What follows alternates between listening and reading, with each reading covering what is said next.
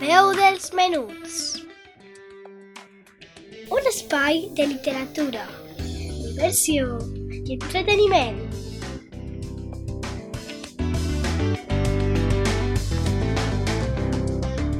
Amb Laia Esteve.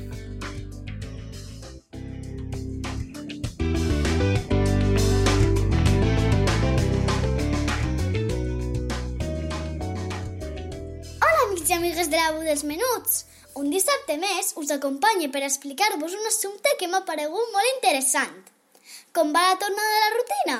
Ara hauríem d'estar en festes a Monover, però com tots sabeu, aquesta pandèmia de coronavirus no ens permet celebrar-les. Què penseu de la tornada a l'escola?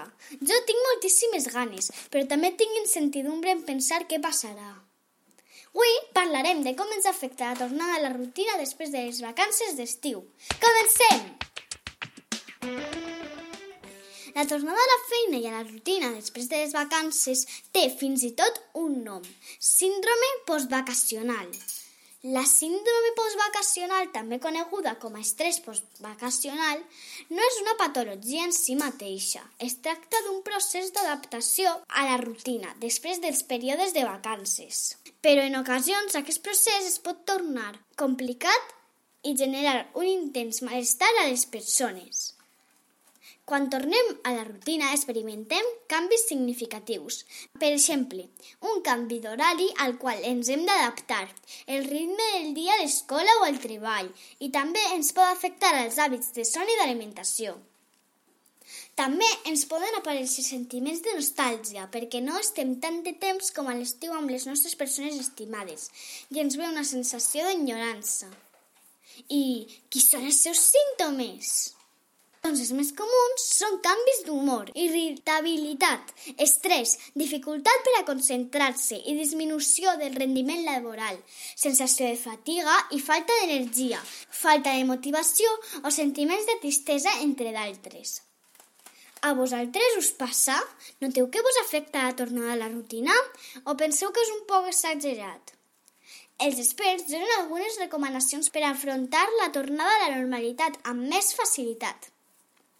Deixar els assumptes del dia planejats pot ser útil per a no acumular massa feina, prioritzar els assumptes, repartir tasques... Allò més important és reprendre la rutina a poc a poc, no agobiar-nos i organitzar-nos sense presses. I com sempre a tots els aspectes de la vida, si cal, demanar ajuda! I això és tot. Espero que us hagi paregut interessant el programa d'avui, un poc diferent a la resta.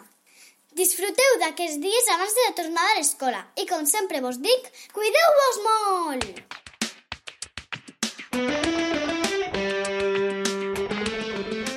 La veu dels menuts. Un espai de literatura, diversió i entreteniment.